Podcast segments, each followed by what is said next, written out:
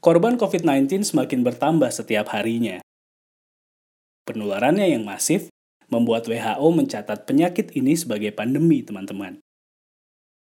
Sebuah data dari Kementerian Kesehatan Republik Indonesia sampai dengan tanggal 26 Maret di jam 4 sore tercatat hampir 900 orang positif COVID-19.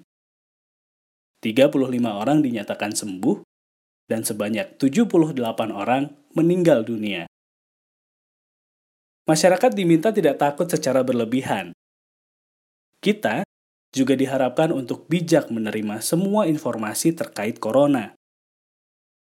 Saya Fendi Rahman. Selamat datang di Special Track Makna Kata Podcast di rumah aja.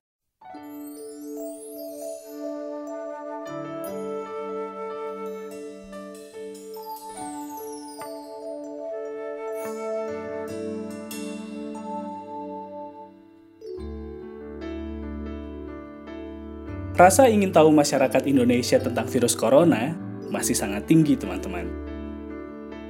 Pertanyaan seperti gejala apa yang dirasakan, bagaimana penularannya, sampai tips biar nggak bosan ketika di rumah aja, masih dicari sampai saat ini.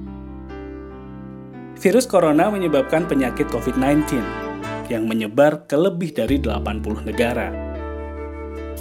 Dikutip dari laman WHO, pandemi virus ini telah mencapai lebih dari 300 ribu kasus di seluruh dunia.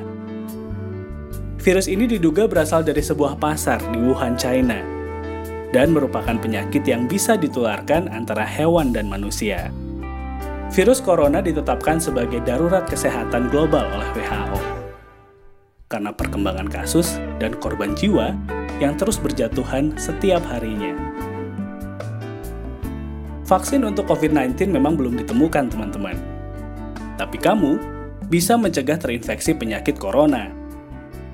Yuk, kita lindungi orang-orang yang kita cintai, keluarga kita, teman-teman kita, dan orang-orang dengan daya tahan tubuh yang rendah dengan cara jaga jarak, hindari keramaian, di rumah aja.